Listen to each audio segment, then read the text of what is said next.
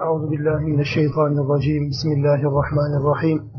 Elhamdülillahi rabbil alamin ve salatu vesselamu ala resulina Muhammed ve ala alihi ve sahbihi ecmaîn.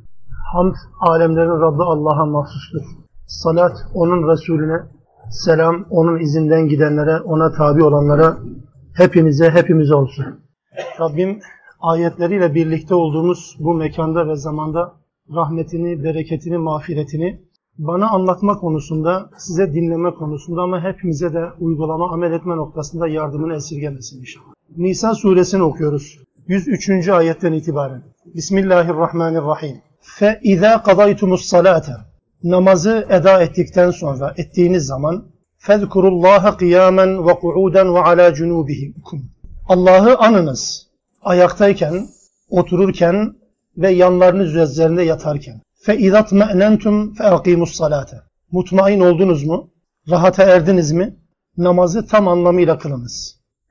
اِنَّ الصَّلَاةَ كَانَتْ عَلَى الْمُؤْمِنِينَ كِتَابًا مَوْقُوتًا Şüphesiz namaz, müminler üzerine vakitleri belirlenmiş, farz kılınmıştır. Bir önceki bölümle birlikte müteala edilmesi gereken bir ayet okuduk. 103. ayet. 101 ve 102. ayetlerde Rabbimiz savaş ortamında bile savaş ortamında bile Müslümanların mümkün mertebe cemaatle namaz kılmalarını, cemaatle namaz kılmak mümkün değilse ferden kılmalarını, bineklerinden vasıtalarından inerek mümkün değilse vasıtaları üzerine namaz kılmalarını, kıbleye dönme imkanı yoksa kıbleye dönmeden namaz kılmalarını ama her halükarda namazsız olamayacağını, savaş ortamında bile namazdan vazgeçilemeyeceğini Rabbimiz anlattı. Özellikle Müslümanların kulluk bilincine katkıda bulunan en önemli ibadet, en önemlilerinden demiyorum, en önemli ibadet olması hasebiyle Rabbimiz bu hususların altını çizdi 101 ve 102. ayetlerde. Haliyle sefer sırasında ya da savaş sırasında namazın biraz daha kısaltılarak kılınacağı muhakkak. Yani gerek kıraatinden kısarak, gerek tabi tadil erkenden taviz vermek yok ama rükû ve secdeleri fazla uzatmayarak, yani hani biz üç defa Subhan Rabbiyel Azim, Subhan Rabbiyel Ala deriz. Başka da bir şey bilmeyiz, okumayız. Oysa Peygamber Efendimizin rükû ve secdeleri de kıyamına yakındır gibi hadisleri de duyduğumuzda namazın ikamesini anlama geldiğini öğreniyoruz. Ama seferde ve savaş ortamında böylesine uzatılmayacaktır elbette. Bu vakayı Rabbimiz 101 ve 102. ayetlerde anlattıktan sonra bu 103. ayeti kerimede savaş bittikten sonra artık savaş ortamı değil barış ortamına gittiğinizde evet bu sefer namazı tam anlamıyla ikame edeceksiniz. Yani savaş ortamında kısaltarak, rekatlerini bile kısarak kıldığınız namazı tam olarak kılacaksınız. Savaş ortamında söz gelimi İhlas ve Kevser'le kıldığınız bir namazı yani barış dönemlerinde biraz daha uzun kıraatler yaparak kılınız. Rükû ve secdesine üçer defa tesbihat yaptığınız savaş ortamındaki namazı bitirdiğinizde barış ortamında biraz daha uzatınız anlamına Rabbimiz özel buna vurgu yapıyor. Yani bu namazın kısaltılması, namazın hafif bir namaz halinde kılınması savaş şartlarıyla alakalı, zaruret durumlarıyla alakalı olduğuna özel bir vurgu var. Haddi zatında 103. ayette beraberinde namazı bittikten sonra, bitirdikten sonra bile zikir bitmiyor. Allah'ı gündemde tutmak bitmiyor. Allah'ı anmak bitmiyor. Çünkü ayaktayken, otururken ve yan yatarken, evet her üç halde de, yani bir insanın bulunacağı bütün pozisyonları simgeliyor adeta bu. Ayakta, oturarak ve yatarak. Her halükarda insan Allah'ı gündemde tutmalıdır. Tabi uzatmadı Rabbimiz listeyi. Yani ayakta ticaretle mi uğraşıyorsunuz? Allah'ı gündemde tutun. Uykuya mı daldınız? Allah'ı gündemde tutun.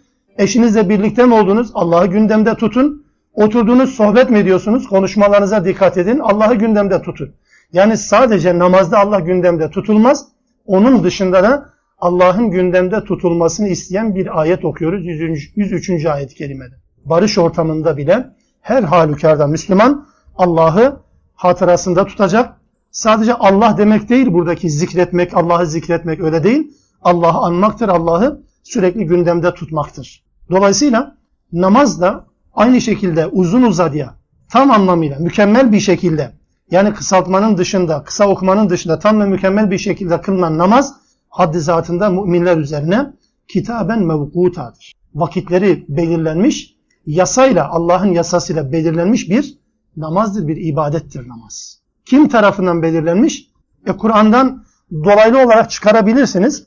Fakat ne kadar bağlayıcı onu bilmem ama namaz vakitlerinin Hazreti Peygamberle ancak öğrenilebileceğini kesinlikle belirtmek gerekiyor. Ayetle namaz vakitlerinin nereden nasıl başladığını, ne zamana kadar bittiğini, yani namaz vaktinin aralığının nerede başlayıp nerede bittiğini tespit edemezsiniz. Ayette buna dair doğrudan bir atıf bulamazsınız. Sadece dolaylı olarak var. Yani sabah akşam zikir tesbihten bahseder. İşte güneş tam eğilirken tesbihten bahseder. Yorumlarsınız sadece. Peygamber aleyhissalatü vesselam evet vaktini belirlemiştir. Nerede hangi aralıkta hangi namazların kılınacağını özellikle peygamberden öğrenmek durumundayız. Vakti belirlenmiş namaz dediği Rabbimizin bu. Savaş bittikten sonra peki Müslümanlar gevşeyecek mi?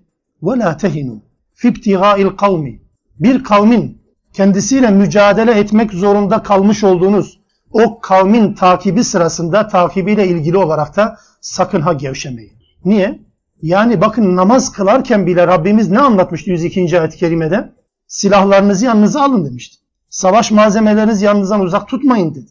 Hatta bir mazeret olursa bir tehlike söz konusu olursa, bir sıkıntı daha doğru söz konusu olursa o zaman silah ve eşyalarınızı bırakabilirsiniz. Allah ona özel bir vurgu yapmıştı. Burada da sakın ha namaz kılacağız derken, ibadet edeceğiz derken peşine düştüğünüz o kavmin peşini bırakmayasınız. Giriştiğiniz bir mücadeleyi yarım bırakamazsınız ibadet adına. Yani daha Türkçeleştirirsek bunu bir ibadeti yaparken bir başka ibadetin aksamasına fırsat vermeyin. Bir ibadeti yaparken bir başka ibadetin aksamasına neden olmayın. Neden olacak hareketlerde bulunmayın anlamına gelir. Sakına gevşek tutmayın işi. Hatta aynı prensibi Hazreti Peygamber savaşların hemen hemen tamamında uygulamıştır. Zaferle biten savaşlarda da Hazreti Peygamber düşmanın peşine takılmıştır. Hemen savaş alanı terk etmemiştir. Yani biz zaferi kazandık dönelim değil. Hatta mesela Uhud gibi bir yenilgide bile müşrikler giderken Peygamber aleyhisselam Müslümanları topluyor ve düşmanı takip ediyor. Gevşeme olmaz. Niye? Allah öyle demiyor muydu Tevbe suresinde? Düşmanlarınız size bir sertlik, bir kararlılık görsünler. Evet, Müslümanda bir kararlılık gösterisi olması lazım. Pes eden adam değildir Müslüman. Savaştan sonra bile gerek galip gerek mağlup demiyoruz artık. Gerekse düşmanlar galip olsun. Fark etmez her halükarda Müslümanlar bu kararlılıklarını göstermek zorunda. Dedikten sonra Rabbimiz bakın in tekunu te'lemune fe innehum ye'lemune kema te'lemun. Eğer siz savaş ortamında acı, elem, keder hissettiyseniz bilesiniz ki sizin düşmanlarınız da aynen sizin hissettiğiniz gibi bir acıyı, bir kederi, bir elemi hissettiler. Herkes savaş ortamında acı ve elem hisseder. Ama farkınız ne peki onlardan? Yani düşman taraf, inanmayan tarafta da bir acı elem var. Müslümanlar da acı elem var. Ama her birisinin faturası farklı. Çünkü ve tercune minallahi ma la yarcune. Onların ummadıkları bir şeyi siz umarsınız. Farkınız bu. Herkes acı duyar savaşta. Herkes bir takım bedeller öder savaşta. Mal ve can kayıpları yaşar savaşlarda, mücadelelerde. Ama Müslümanlarınki farklı. Müslümanlar kafirlerin, İslam düşmanlarının ummadıklarını, beklemediklerini beklerler. Nedir bunun adı? Özet olarak cennettir, Allah'ın rızasıdır. Müslümanların başarı tanımı zaten buydu. Onun için yenilgi zaten yoktu savaşta, Müslümanın savaşında. Ölse bile, öldürülse bile, şehit edilse bile kazançlıdır. Çünkü ahiretini kurtarmıştır bu anlamda. Fakat müşrikin galibiyeti de, mağlubiyeti de kendisine bir yarar sağlamayacaktır. Sizin onlardan farkınız budur dedi bakın Rabbimiz. Hatta Uhud savaşında olsa gerek hani müşrikler Müslümanlara biraz kayıpları fazla olan Müslümanlara karşı hava atmak kabilinden derler ki bizden biz sizden şunu şunu falan öldürdük. Hazreti Hamza başta olmak üzere şunları şunları öldürdük. Her seferinde Hazreti Ömer de onlara karşılık ve biz de sizden şunları şunları öldürdük. İleri gelen kadro takımını öldürdük dediklerinde atıştılar. Sonuçta onlar farklı isimler söyleyince Hazreti Ömer biraz tıkandı gibi oldu. Yani verecek cevap artık bulamadı gibi oldu.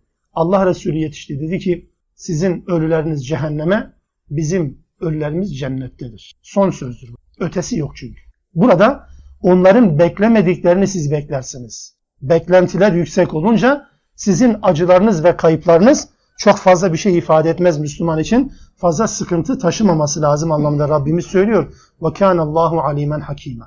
Allah alim ve hakimdir. Bilendir, hakim olandır, hükmedendir. Egemen olan ve bilen Allah'ın ayetlerini okuyorsunuz. Buna teslim olun anlamındadır. Savaş ortamından sonra Müslümanlar birbirleriyle mi didişecekler? Hayır. Ama İslam toplumunda ya da Müslümanların yaşadığı toplumlarda farklı insan karakterleriyle karşımıza çıkabilecektir. Savaş ortamlarında nispeten bunlar seslerini keserler. Biraz daha az etkili olurlar. Ama barış ortamlarında biraz daha fazla ses çıkarabilirler. Onlara karşı tavırın ne olacağını bundan sonra gelen ayetler açıklamış olacak. İnna enzelna ileykel kitabe bil hak. Biz sana kitabı bil hak indirdik. Litahkume beynen nas bima arakallah. Allah'ın sana gösterdiği şekilde insanlar arasında hükmedesin diye sana kitabı indirdik biz.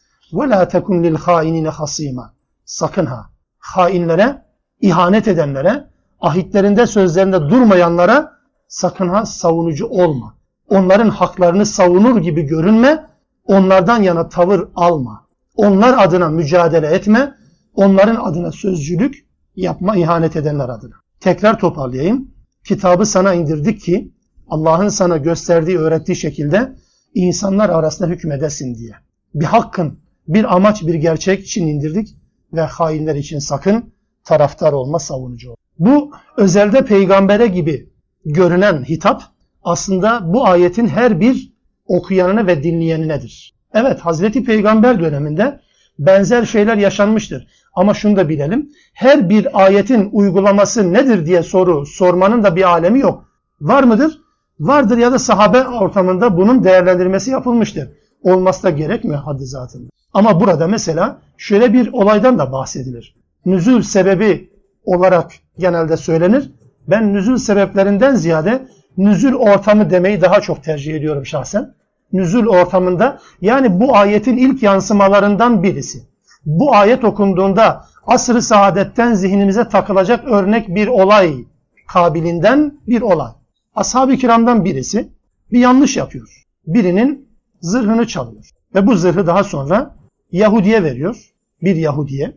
Ve arkasından bu zırhın sahipleri tarafından zırh istenince Yahudi'de olduğunu söylüyor. Artık kendi hırsızlığının ortaya çıkmaması adına. Ve Yahudinin zırhı çaldığını özellikle iddia ediyor kendisinin iddiasıyla yetinmiyorlar. Bütün akrabaları, dostları da ondan yana tavır alıyorlar ve bizim arkadaşımız, bizim kardeşimiz çalmamıştır. Çalmışsa çalmışsa Yahudi çalmıştır. Ve Hazreti Peygamber nezdinde girişimlerde bu anlamda bulunuyorlar. Yani Yahudinin haksız çıkarılması, hırsızlık yapmış ilan edilmesi, suçlu bulunması noktasında ciddi propagandalar yapıyorlar. Müslümanlar. Ya yapar mı? E yapar tabii. Hani demiştik ya sahabe ortamında hatalar yapılmıştır. Ama hiçbir hata adı sahabe olarak kaldığı halde devamlı olmamıştır hiçbir insan hayatında. Ya da adam hatayı yapmıştır da irtidat etmiştir. Yani Müslüman kalarak hiçbir hatayı sürekli işlemiş bir sahabe göremezsiniz. Ama aynı sahabe ismini taşıdığı halde namazı terk eden adam göremezsiniz. Daha önce söylemiştik. Hırsızlık da bakın bunlardan bir tanesi. Ve Allah Resulü aleyhissalatü vesselam bu Yahudinin iddialarını yani ben yapmadım, ben çalmadım iddialarını yetersiz buldu. Delillendirmesi yetersiz bulunca diğerlerinin de delillerini yeterli, biraz daha akla mantığa uygun bulunca Allah Resulü Müslümanı hak, haklı, yani asıl çalanı haklı, Yahudi de aslında suçlu değil, onu haksız ilan etmek üzereyken bu ayetle Hazreti Peygamber uyarılmış oldu. Yani efendim olur mu? Peygamber yani mesela bizim büyüklerimiz insanların zihinlerini bile okur. Peygamber niye okumadı ki? Değil mi? Yani aslında peygamber şöyle bir insanın gözün içine bakar, kafasının içine okur. Ne niyetle gelip bunu söylediğini veya gizlediğini tespit etmesi lazımdı aslında değil mi? Ama peygamber beşeri özelliklerini hiçbir dönemde bırakmış değildir ki. Yargı konusunda insanlar arasında hüküm verme, karar verme konusunda Hazreti Peygamber de aynen diğer insanlar gibi görünür delillerden hareketle karar verir. Ortaya konan somut delillerle karar verir. Zihnini okuyarak karar vermez. Öyle olmazdı. Hatta sahih bir hadiste Allah Resulü Aleyhisselatü Vesselam şu uyarıyı da yapmaktan çekinmiyor. İnsanlara bu noktada uyarda bulunuyor. Bakın diyor, şunu iyi biliniz. Ben bir insanım. Allah Resulü Aleyhisselatü Vesselam'dan. Ben bir insanım. Sizin aranızda sizden işittiğime göre hüküm veririm. Olabilir ki sizden biriniz kendi delilini karşısındakinden daha iyi bir şekilde açıklar. Olur, edebiyatı güçlü olur. Daha iyi bir delil ortaya koyar ve ben de onun lehine hüküm verebilirim. Her kime bir Müslümanın hakkını hükmedip de vermiş olursam bilesiniz ki o ateşten bir parçadır. İster onu yüklenip gitsin, isterse onu bıraksın. Ben bilemem. Dava nasıl gelirse öyle karar verir. Peygamber aleyhissalatü vesselamın elbette bilerek ve isteyerek suçlu birini suçsuz, suçsuz birini de suçlu ilan etmesi mümkün değil zaten. Bilerek bu mümkün değil. Ortaya konan delillerden hareketle böyle bir karar verdiğinde aslında karar doğru olmayabilir. Olmayışın nedeni bu. Ben zihninizi okuyarak karar vermem. Olayların görüntülenmiş şekliyle ben karar veririm. Bu anlamda ben de bir insanım. Sizden farkım yok. Ne olacak peki? Hakkınızı Allah'ın huzurunda ödetirsiniz birbirinize. Herkes orada hakkını alır ve bunu duyan kimi böyle ifade çarpıtmaya düşünen insanlar, Müslümanlar bunu duyduktan sonra bırakmışlar aman demişler. Yani dünyada biz haklı çıksak bile ahirette bu böyleyse hani ne düşünüyor Müslümanlar? Peygamberle biz bunu karar aldırırsak mesele biter. Hayır öyle değil.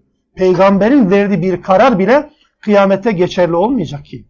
Evet. Allah Resulü Aleyhisselatü Vesselam bilerek hainlerden yana tavır almamıştır. Savunmamıştır. Bilmeyerek evet olabilir. Müslümanlara gelelim şimdi. Müslümanlar haksız olduğunu bildikleri bir insanın, suçlu olduğunu bildikleri bir insanın arkasında duramazlar. Dursalar ne olur? Bu ayete aykırı hareket etmiş olur. Allah'ın bu sözünü hiçe saymış olur. Hainlerle birlik olmuş olur. Yani var mı diyeceksiniz? Tabi sıradan bir insan yani yabancı bir insanla alakalı insan pek savunma durumuna geçmez. Ama daha çok kendi akrabalarımızla ilgili, kendi kavmimizden bir arkadaşımızla ilgili, son derece sevdiğimiz bir arkadaşımızla ilgili bir karar söz konusu olduğunda onun lehine bazen şahitlik yaparız bilerek. Ya da onun lehine olacaksa eğer bilerek şahitliğimizi gizleriz. Ne yapıyoruz şimdi biz? Hainlere hasım oluyoruz. Hainlere taraftar oluyoruz, savunmacı oluyoruz. Böyle bir hakkımız yok. Müslümanın ahlakında böyle bir şeyin yeri olmamalı elbette. Burada tabi hem resmi hem gayri resmi, hem bireysel hem kurumsal anlamda birilerinin savunulması eğer gerekecekse savunacağımız insanın haklı olmasına son derece dikkat etmek zorundayız. Özellikle günümüz piyasasında avukatlık mesleğiyle yakından alakalı bir ayettir. İnsanları savunuyorsa avukat kardeşlerimiz savundukları insanın suçlu olmamasına dikkat etmek zorundalar. İslami ölçüler içerisinde. İslami ölçüler içerisinde suçlu olmadıklarına dikkat etmek zorundalar. Eğer suçluyu suçsuz yapma, dolayısıyla karşıdaki suçsuzu da suçlu yapma, ilan etme konusunda bir kararın altına imza atarlarsa onlar da hainlerle birlik olmuş anlamına gelir. Yani diyeceksin o zaman bu meslek ne oldu? Yani düşünsünler. Herkes tabi olmak zorunda değil tabii ki. Müminseniz, iman etmişseniz imanın bu ilkesine tabi olmak zorundasınız. Allah hiçbir şekilde suçlu olan birisinin savunulmasına savunulması konusunda mümine yetki ve hak tanımıyor. Hayır öyle şey olmaz. Aynı şekilde karar verme mekanizmaları da öyledir. İster resmi ister gayri resmi. Yani ister mahkemedeki hakim, ister kendi aranızda kurduğunuz aile mahkemesinde kararı verirken suçludan yana hiçbir zaman bilerek tavır alamazsınız. Alırsanız bu ayetin muhatabı aynı zamanda sizsiniz. Allah korusun. Tekun lil hainine hasima. Sakın ha hainlere hısım olma, hainleri savurmayasın. Kur'an-ı Kerim'de istiğfar kelimeleri geçtiği yerlerde genelde şöyle bir handikapımız var. Yani bir peygamberden mesela söz ediyor, arkasından da istiğfar geliyorsa, ha bu peygamber demek ki bir yanlış yaptı, arkasından istiğfar emri geldi veya kendisi istiğfar etmiştir. Birçok peygamberle ilgili aynı ifadeleri okursunuz. Mesela birini verin, diğerlerini siz bulursunuz. Saat suresinde Hazreti Davud'la alakalı. Rabbine istiğfar etmiştir. Ne yaptı peki Davud? Hata işlemişti. Ne hatası? Aman Allah'ım. Sayfalar dolusu Hazreti Davud'un ne hata işlemiş olabileceğini dair yorumlar. Bakın istiğfar her zaman işlenen bir günahtan dolayı yapılmıyor. Hazreti Peygamber'in şahsında bile bir muhatap, bir hitap olsa bile bu, Hazreti Peygamber burada bir yanlış yaptı gibi bir algılama olmaz değil mi? Peygamber istiğfar edecek. Yanlış mı yaptı? Hayır. Yani istiğfar o zaman ne için yapılır? Mesela namaz kılarız değil mi? Namaz kılarız. Selam verdikten sonra sünnette bize öğretilen bir kural var. İki tarafa selam verdikten sonra üç defa estağfirullahal azim deriz. Günah mı işledik? Ya namaz kıldık istiğfar ediyoruz bakın değil mi? Niye? E çünkü ibadetten sonra istiğfar var. İbadetten sonra da istiğfar var. Belki şunu şöyle yorumlayabilirsiniz. Ya Rabbi ben bir namaz kıldım. Belki biliyorum peygamberin namazı gibi değil ama Ya Rabbi eksiğimle birlikte kabul et anlamına. Evet namazdan sonra istiğfar ediyoruz. Hem de araya hiç başka söz, başka bir davranış girmedi. Daha net bir örnek söyleyeyim Kur'an'dan mesela. Bakara suresinde haccın menasikin eda edilmesinden sonra, haccın kuralları yerine getirildikten sonra Allah diyor ki Allah'a istiğfar ediniz. Güzel şeyler yapılmış, arkasından vestağfirullah der. Allah'a istiğfarda bulunun. Yani günah işlediniz yapınız anlamına değil ki. Zaten günahtan sıyrıldınız orada. Bir nevi hayatınıza format attınız. Tekrar istiğfar edeceksiniz. Yani günahtan sonra şart değil ki istiğfar. Dolayısıyla burada da başka yerlerde de istiğfar söz konusu edildiğinde zannetmeyin ki bir günah işlendi. Dolayısıyla bu günahın neticesi bu istiğfar yap. Öyle değil. Olan yerler vardır tabii ki de ama her zaman bu şekilde değil. Ama mesela tevbe günahtan dolayı yapılır. İstiğfardan olan farklarından bir tanesi bu. Yani tevbe günahtan dolayı yapılır ama istiğfar günah olmadan da yapılır. Hatta mesela İzâ câe nasrullah Kur'an'ın en son inen suresidir. Hazreti Peygamber aleyhissalatu vesselamın şahsında fetihle, zaferle karşılaştığı zaman bir Müslümanın söylemesi gereken şeyler nedir? Fevş feci insanlar dine girdiğinde, Allah'ın yardımı, nusreti, zaferi geldiğinde fesebbih bihamdi rabbike vestağfirhu değil mi? Ona istiğfarda bulun. Her zaman istiğfar sürekli yapılması gereken bir şey.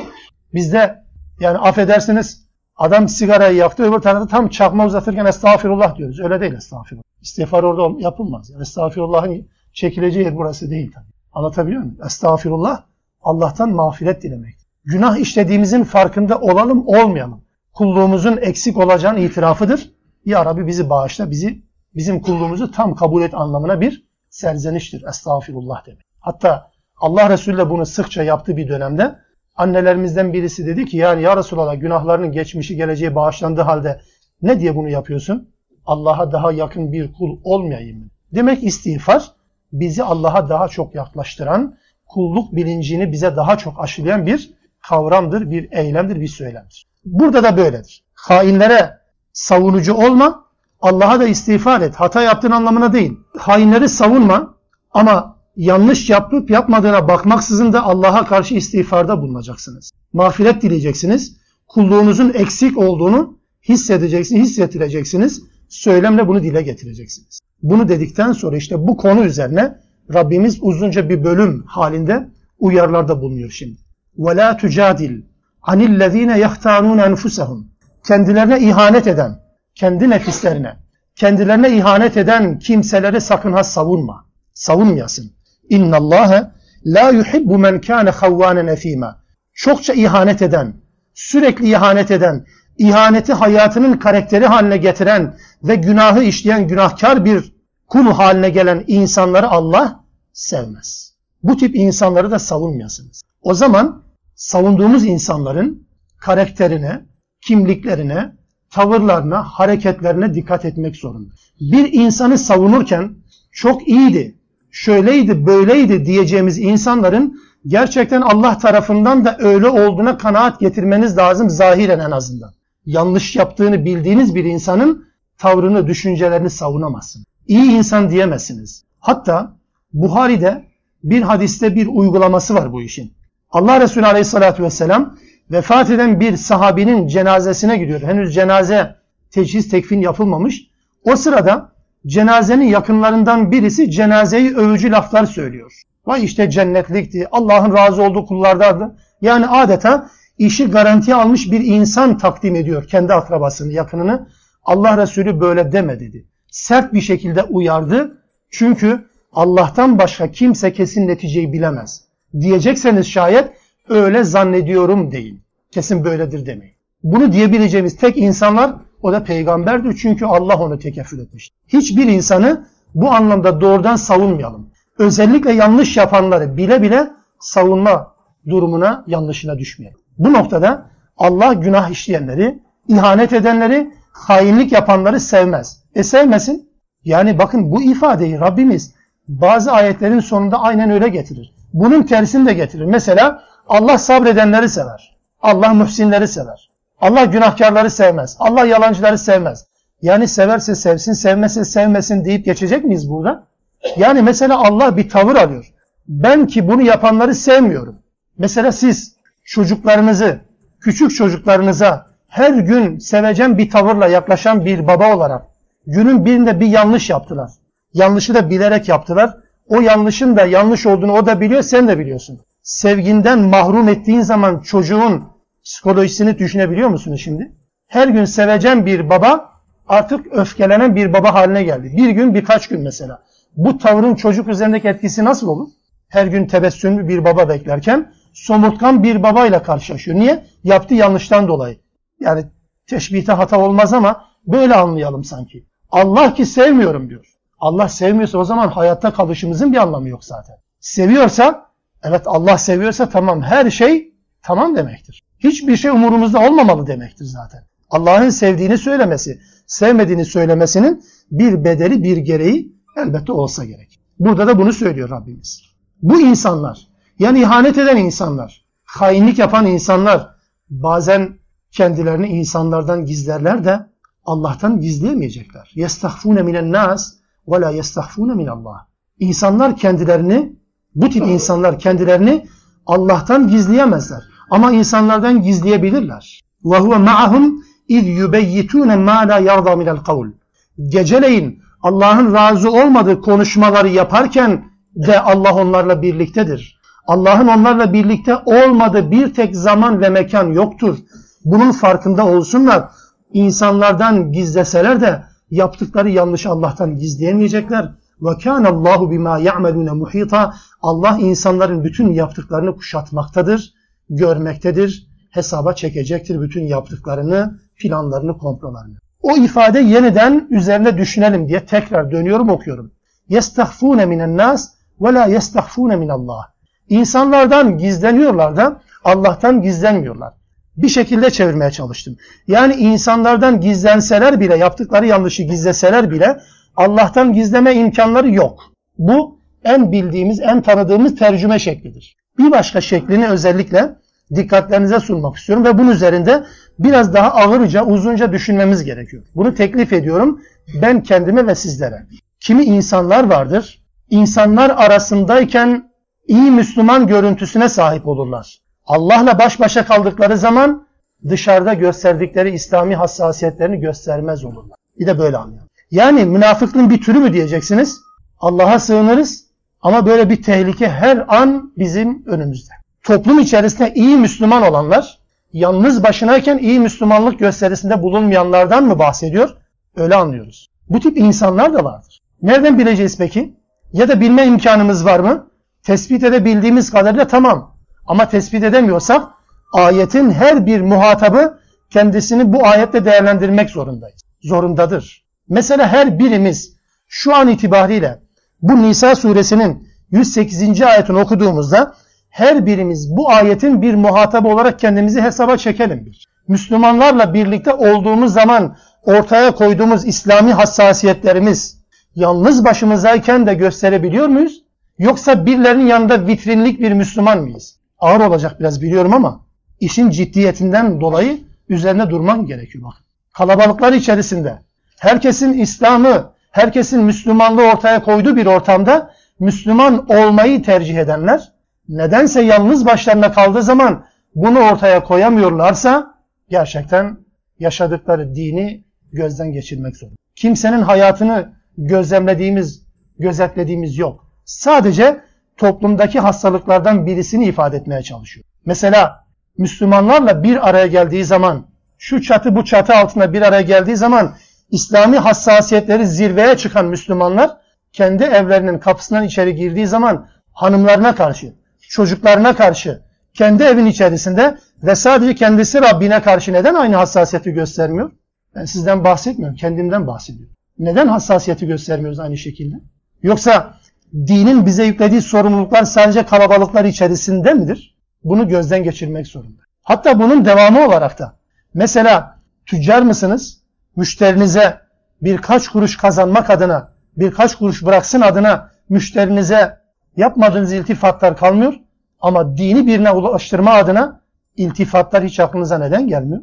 Başkalarının çocuklarını eğitirken alabildiğine hoşgörü ve toleransın zirvesinde ama kendi çocuklarınıza örnek bir Müslüman şahsiyeti takdim ederken neden tahammülsüzsünüz? Başka hanımlara bile yani başka hanımlarla olmak mümkün mü Müslümanların? Hani yaşadığınız hayatın gerçekleri. Bulunduğunuz iş yerinde mi? Yaşadığınız toplumda mı? Toplantılarda mı? Yani başka kadınlara nezaketi gösterirken gösterdiğiniz nezaketin neden aynısını kendi eşlerimize göstermiyoruz Müslümanlar olarak? Değmez mi dersiniz? Bu cidden sorulanması gereken bir şeydir. Hatta riyayı ve gizli şirki tarif eden Hazreti Peygamber aleyhissalatü vesselam bir namaz örneğini veriyordu hatırlayın. Bir insan ki yalnız başına kıldığı namazı toplumla birlikte kıldığı namazdan ayrıysa hadisimi halen veriyorum belki tam tercüme yansıtmamış olabilirim düzeltiyorum.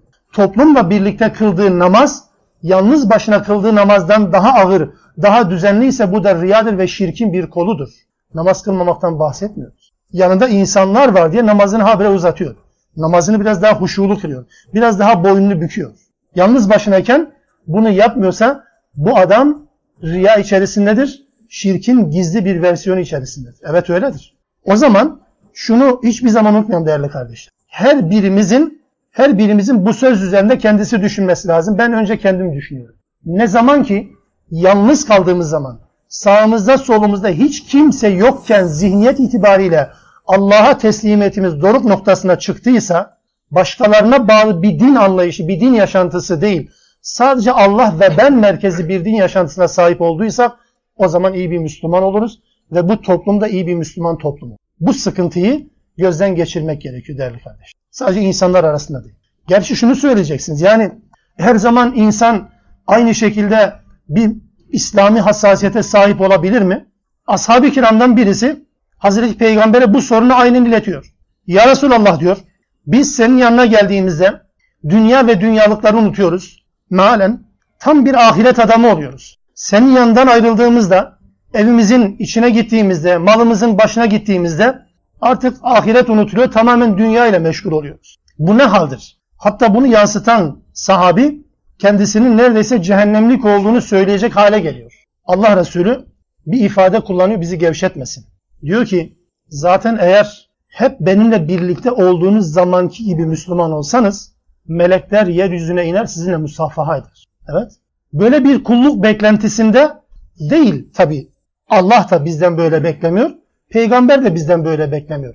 Hatta her bir bölüm geçtiğinde bu konuyla alakalı Allah neden mağfiretini, tevbeyi sürekli hatırlatıyor? Bunun için. Eksik olduğumuzu biliyor çünkü. Her dönemde, her mekanda ve her zamanda aynı derecede bir İslami hassasiyet bu imkansız gibi bir şeydir. Ama sürekli yalpalama durumundaysak eğer onu gözden geçirelim. Bu anlamda söylüyorum. Sürekli yalpalamamız varsa, sürekli insanlarla iyi Müslüman ama yalnız başımızdayken, evimizin dört duvar arasındayken başkasına gösterdiğimiz hassasiyetin, nezaketin onda birini göstermiyorsak, mesela namazlarımızı yalnızken kıldığımız zamanla cemaatle birlikte kıldığımız zaman arasında fark varsa bunu gözden geçirelim. Demek istediğim.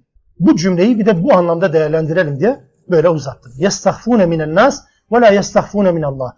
İnsanlardan gizliyorlar da kendi iç yapılarını, iç dünyalarını Allah'tan gizleyemezler ki. Çünkü bizim iç dünyamızda Allah bize muamele edecek. Dış dünyamızda değil elbette. Ha entum haula. Sizler şu kimselersiniz.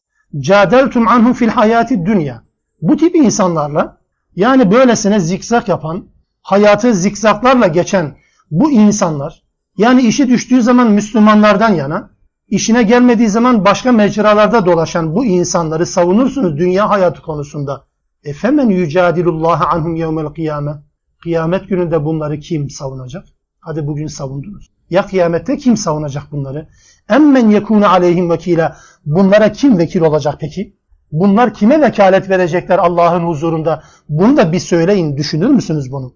وَمَنْ يَعْمَلْ su'en ev yazlim nefse. Kim kim bir kötülük işlerse veya kendine zulmederse ثُمَّ يَسْتَغْفِرِ اللّٰهَ يَجِدِ اللّٰهَ غَفُورًا رَحِيمًا Allah bak yeniden hatırlat. Kim bir kötülük işler, nefsine zulmeder, nefsini cehenneme sürükleyen bir iş yaparsa, sonra da Allah'a istiğfarda bulunursa Allah'ı gafur ve rahim bulacaktır. Evet kesinlikle bu tartışmasız. Allah'ın mağfireti ve rahmeti konusunda hiç kimsenin ümitsizliğe kapılmaya hakkı yoktur. Hiçbir Müslümanın da bir diğerini bu anlamda ümitsizliğe sevk etmeye hakkı yoktur. Tabi beraberinde laşkalaştırmaya da gevşetmeye de hakkımız yok. Onu da beraberinde söyleyelim. Mağfireti, rahmeti evet Allah'ın gazabı geçmiştir. Bu her şeyin üstündedir. Böyle olmasa zaten şu anda ne konuşan ben ne dinleyen sizler şu anda yeryüzünde hayat hakkımız olmazdı. İçinde bulunduğumuz toplumun bize sirayet eden günahlarını eğer Allah bir mukabele hemen karşılığını vermiş olsaydı evet hiçbir canlı kalmazdı der. Yasin suresinden önceki surenin son ayetini. Fatır'dan son ayet. Evet hiç bırakmazdı tabii ki. Onun için Allah'ın gafur ve rahim sıfatını bulacaksınız. Bakınız bu kadar yanlışa rağmen, bu kadar yalpalamaya rağmen Allah'ın mağfiret edici bulacaksınız. O zaman Allah'ın mağfiret kapısına yürümeye çalışın. وَمَنْ يَكْسِبْ اِثْمًا فَاِنَّمَا يَكْسِبُهُ عَلَى نَفْسِهِ Kim bir kötülük işlerse onun kötülüğü sadece kendisinedir. Kime zarar olabilir ki kötülüğünün? Kötülük sadece kendisine dokunacaktır. Bir kötülük işlediniz mi o kötülüğün zararı kendinize gelecektir. Hatta başkasının işlediği kötülüğe seyirci kalmak da kötülük mü? Öyle değil mi? Başkasının işlediği kötülüğe seyirci kalmak da kötülük mü? Evet kötülük. Bunu işledik mi bunun zararı kimedir? Yine banadır. Benim iyi Müslüman olmam yetmiyor o zaman. Benim komşumun da iyi Müslüman olması lazım. Benim apartmanımın da iyi Müslüman olması lazım ki zararı bana gelmesin diye. Dünyevi anlamda da uhrevi anlamda da yakama yapışmasın diye değil mi? Onun için herkesin işlediği günah kendisinedir. Zararı kendisinedir. Allah hiçbir şekilde zarar vermez. Allah Resulü Aleyhisselatü Vesselam bunu şöyle adeta tasvir ediyor. Bütün insanlar yeryüzünün en iyi insanı gibi olsalar, en iyi insanı, yeryüzünün bir numaralı insanı gibi müttaki olsalar, bu Allah'ın mülkünde zerre kadar bir artışa neden olmaz. Aynı şekilde bütün insanlar yeryüzünün en rezil, affedersiniz, en berbat insanı gibi olsalar, bu Allah'ın mülkünde zerre kadar bir şeyde eksiltme durumunda olmaz. Ne katkısı olur Allah'ın mülküne iyi olması ne de kötü olması Allah'ın mülkünden bir eksiltme neden olur. Olmaz. Nedir peki? Herkesin yaptığı kendisinedir. Bunu her gece yatarken ya da her namazdan sonra yatsan sonra okurken tekrar tekrar benimsediğimiz, ilan ettiğimiz, yeniden altına imza attığımız bir söz değil mi? Leha ma kesebet ve aleyha mektesebet. İşlediklerimizin iyilikleri de kendi lehimize, kötülükleri de kendi aleyhimizedir diye sürekli bunu ifade ediyoruz. Kâne Allahu alimen hakîme. Allah bilendir ve hakim olandır, egemen olandır. Men yeksib hatiyeten kim bir hata işlerse ev ismen ya da bir günah işlerse sümme yarmi bihi beri'en sonra tertemiz, tertemiz, suçsuz, günahsız birisine bu suçunu isnat ederse ihtemele buhtanen ve ismen mubina. O zaman apaçık bir iftira atmış olur, bir bühtan yapmış olur ve de çok büyük, bedeli ağır olan da bir günah işlemiş olur. Bir suç işlediniz, suçu başkasına atmaya çalışıyorsanız ya da birisinin işlediği suçu bile bile gizliyorsanız bir başkasını suçlu ilan etme neden oluyorsanız apaçık bir iftiradır, bühtandır ve de vebali bedeli ağır ödetilecek olan bir günahtır. Bühtanla iftira arasında şöyle bir nüans var, şöyle bir fark var.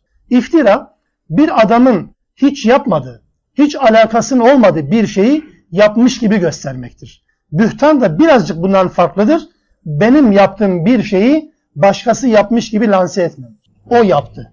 Yani demin nüzul ortamıyla alakalı verdiğimiz örnekteki gibi adam hırsızlık yapmış aslında Yahudi yaptı diye bunu böyle takdim ediyor, böyle ispat etmeye çalışıyor. Budur bühtan. Ama iftira hiç yoktan birisinin yapmadığı bir şeyi yapmış gibi takdim etmektir. Her ikisi de tabii ki vebaldir, her ikisi de günahtır, her ikisinin de cezası ağırdır. Rabbimiz buna dikkatlerimizi çekiyor. Bühtanı işlemek, suçu başkasına atmak kadar suçu yapan, işleyen birisini savunmak da aynı kefeye bizi yerleştirecektir. Rabbim korusun. وَلَوْلَا فَضْلُ اللّٰهِ عَلَيْكَ وَرَحْمَتُهُ Eğer Allah'ın sana fazla rahmeti olmasa لَهَمَّتْ طَائِفَةٌ مِنْهُمْ en yudilluke. neredeyse bir taife, bir grup seni saptıracaklardı. وَمَا يُضِلُّونَ illa اَنْفُسَهُمْ Sapanlar sadece kendilerini saptırırlar. Seni saptıramazlar. Niye? Allah'ın rahmeti ve fazlı var çünkü. Allah'ın rahmeti varsa elinizde, Allah'ın fazlı varsa elinizde bir silah olarak kimsenin sizi saptırmaya gücü yetmeyecek. وَمَا يَدُرُّونَكَ مِنْ şeyin Ve hiçbir şekilde size zarar vermeyecek. Hiçbir şekilde zarar vermeyecektir. Neyle? Ne sayesinde? Allah'ın rahmeti ve fazlı sayesinde. Allah'ın rahmeti ve fazlı sayesinde derken ne kastedilir? Mesela Allah'ın bize rahmet olarak gönderdiği kitap ilk akla gelmesi gerekendir. Eğer elinizde bu kitap varsa, bu kitapla birlikte hareket ediyorsanız hiç kimsenin zararı size dokunmayacaktır. Efendim ama yani malımdan eksilir. Zarar mı diyorsunuz buna? Yani Allah katında adına zarar denecek hiçbir şey sizin için söz konusu değil anlamında. Elbette Müslüman olmanın bedeli var dünyada ayrı bir şeydir. Ama hiçbir zaman buna zarar diyemeyeceksiniz. Eğer elinizde Allah'ın rahmeti, lütfuyla indirmiş olduğu vahiy varsa hiç kimse sizi saptıramaz ve hiç kimse size zarar veremez. Yusuf suresinde Yusuf aleyhisselamla ilgili bir olay anlatılır. Benzer bir şey olduğu için orayı da hatırlatmadan geçmeyeyim dedim. Hani kadının bir entrikası komplosuyla karşı karşıyadır Yusuf aleyhisselam. وَلَقَدْ ve hemme biha levla levla en ra'a burhane rabbihtir. Kadın ona meyletti. Eğer Rabbinin burhanını görmeseydi, Rabbinin burhanını düşünmeseydi o da ona meyledecekti. Kadının Yusuf'a meylettiği gibi Yusuf da kadına meyledecekti. Yanlış yapacaktı. Ne olmasaydı? Rabbinin burhanını görmeseydi, düşünmeseydi. Yani neydi o burhanı? Hemen bir sinevizyon gösterisi gibi mi çıktı Yusuf Aleyhisselam'ın karşısına? Ya da Allah'ın melekleri hemen kendisini bunu yapmaması için engel mi oldu buna? Öyle düşünmüyorum şahsen. Orada Rabbinin burhanından maksat daha önce karşılaştığı, daha önce öğrendiği, daha önce üzerinde çalıştığı, zihin yorduğu, tefekkür ettiği Allah'ın Rabbinin burhanını o kötülüğün gündeme geldiği ortamda aklına getirdi ve yanlışa düşmekten kendisini alıkoydu. Hayatın her alanda böyle değil mi aslında? Mesela bir yanlışla karşılaştınız. O yanlıştan kendinizi korumanın yollarını eğer daha önce Kur'an'dan ve sünnetten öğrenmemişseniz nasıl öğreneceksiniz peki? Hatırınıza nasıl gelecek ki? Nasıl gelecek hatırınıza? Bir iş yapıyorsunuz. Mesela esnafsınız. Ticaretle uğraşıyorsunuz. Ticaretin bir kuralını zamanda öğrendiniz. Müşteri geldi. Müşteriye nasıl davranacağınıza dair kafanıza birisi bir şey enjekte etmiş. Koymuş böyle muamele, muamele edeceksiniz. Tam müşteri geldi. O müşteriyle alakalı ihtimaller de öğrenmişsiniz. Müşteri şöyle yaparsa siz şöyle muamele edeceksiniz. O şöyle yaparsa siz şöyle tavır alacaksınız. Şimdi bu kuralı bilmeden, bu kuralla ilgili öğretme, eğitime tabi tutulmamışsanız nasıl muamele edeceğini nasıl aklınıza getireceksiniz? Kitap bilgisi yoksa eğer, vahiy bilgisi yoksa eğer hayatımızda bir yanlışla yüzleştiğimiz, yüzleştiğimizde o yanlışın üstesinden gelmenin yolları nereden aklımıza gelecek? Ne aklımıza gelebilir ki mesela? Aklımıza ne gelebilir ki? Ya da mesela diyelim bu yoldan araba kullanıyorsunuz. Geldiniz daha önce hiç trafik ışıklarının anlama geldiğini görmemişsiniz. Kırmızının, yeşilin, sarının anlama geldiğini bilmiyorsunuz. Geldiniz tam kavşakta baktınız millet bekliyor bir şeyler yanıyor sönüyor ama siz basıp geçtiniz. E bilmiyorsunuz ki. Nereden bileceksiniz? Nereden aklınıza gelebilir ışığın anlama geldiğini? Ama daha önce ders almışsanız kırmızıda durulur efendim, sarıda hazırlık yapılır, yeşilde de geçilir. Bunu öğrenmişseniz oradaki ışık size neyi hatırlatır? Hemen o ayeti hatırlatmaz mı? Trafik ayetlerini. O ayeti hatırlatır değil mi? Hayatımızda da bu böyle olmaz mı Allah adına? Düğün ortamındasınız. Bir yanlışla karşı karşıyasınız. O yanlışa ben yanlış diyorum. Siz ne zaman yanlış diyebilirsiniz? Onun yanlış olduğuna dair bir bilginiz varsa onu görür görmez ya oradan uzaklaşırsınız ya uyarırsınız değil mi? Çünkü o ayet size onu hatırlatıyor. Ama bilmiyorsanız hatırlatamazsınız. Onun için Rabbimizin burhanıyla, Rabbimizin fazlıyla, Rabbimizin keremiyle ne kadar haşir neşir olursak o konularla alakalı bir yanlışla mı karşılaştık? Onlardan kendimizi ancak o sayede kurtarabiliriz. Değilse o yanlışın içerisine düşmemek mümkün değil. Burada da bu ayeti yeniden o anlamda okuyalım.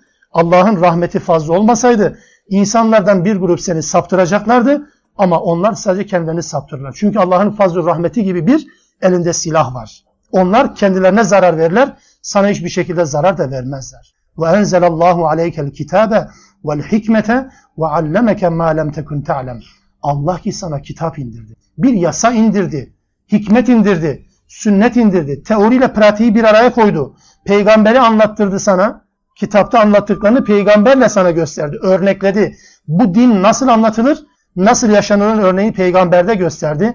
Ve sana bilmediklerini öğretti. Kime? Yani okuyan ben, dinleyen bana. Bilmediklerini bana öğretti. Hatta ilk ayetlerde de bu var değil mi? İkra ve rabbuke lekram ellezî alleme bil kalem allemel insâne mâ lem ya'lem. İnsanlara bilmediğini öğretendir. İlk inen ayetlerden bakınız. Evet Allah bilmediğimizi öğretir. Biz bilmediklerimizi Allah'tan öğreniriz. Mesela namazla ilgili, oruçla ilgili, hacla, zekatla, ibadetle ilgili evet bilmediklerimizi biz zaten Allah'tan öğreniriz. Bu tartışmasız. Ama hayatın geri kalan kısımlarıyla alakalı Allah'tan öğrenme ihtiyacımız yok mu sahiden? Yani bilmediklerimizi nereden öğrenecektik ki? Evet o anlamda Allah bilmediklerini sana, ey peygamber sana, ey Müslüman sana öğretendir. Ve kâne fadlullahi aleyke azîmâ. Allah'ın sana fazl-ı keremi gerçekten büyüktür. Bu Allah'ın büyük fazlını hiçbir zaman unutmayasınız diyor Rabbim. Allah bizi unutanlardan da eylemesin. Subhaneke Allahümme bihamdik. Eşhedü en la ilahe illa ente. Estağfiruke ve etubu ileyh.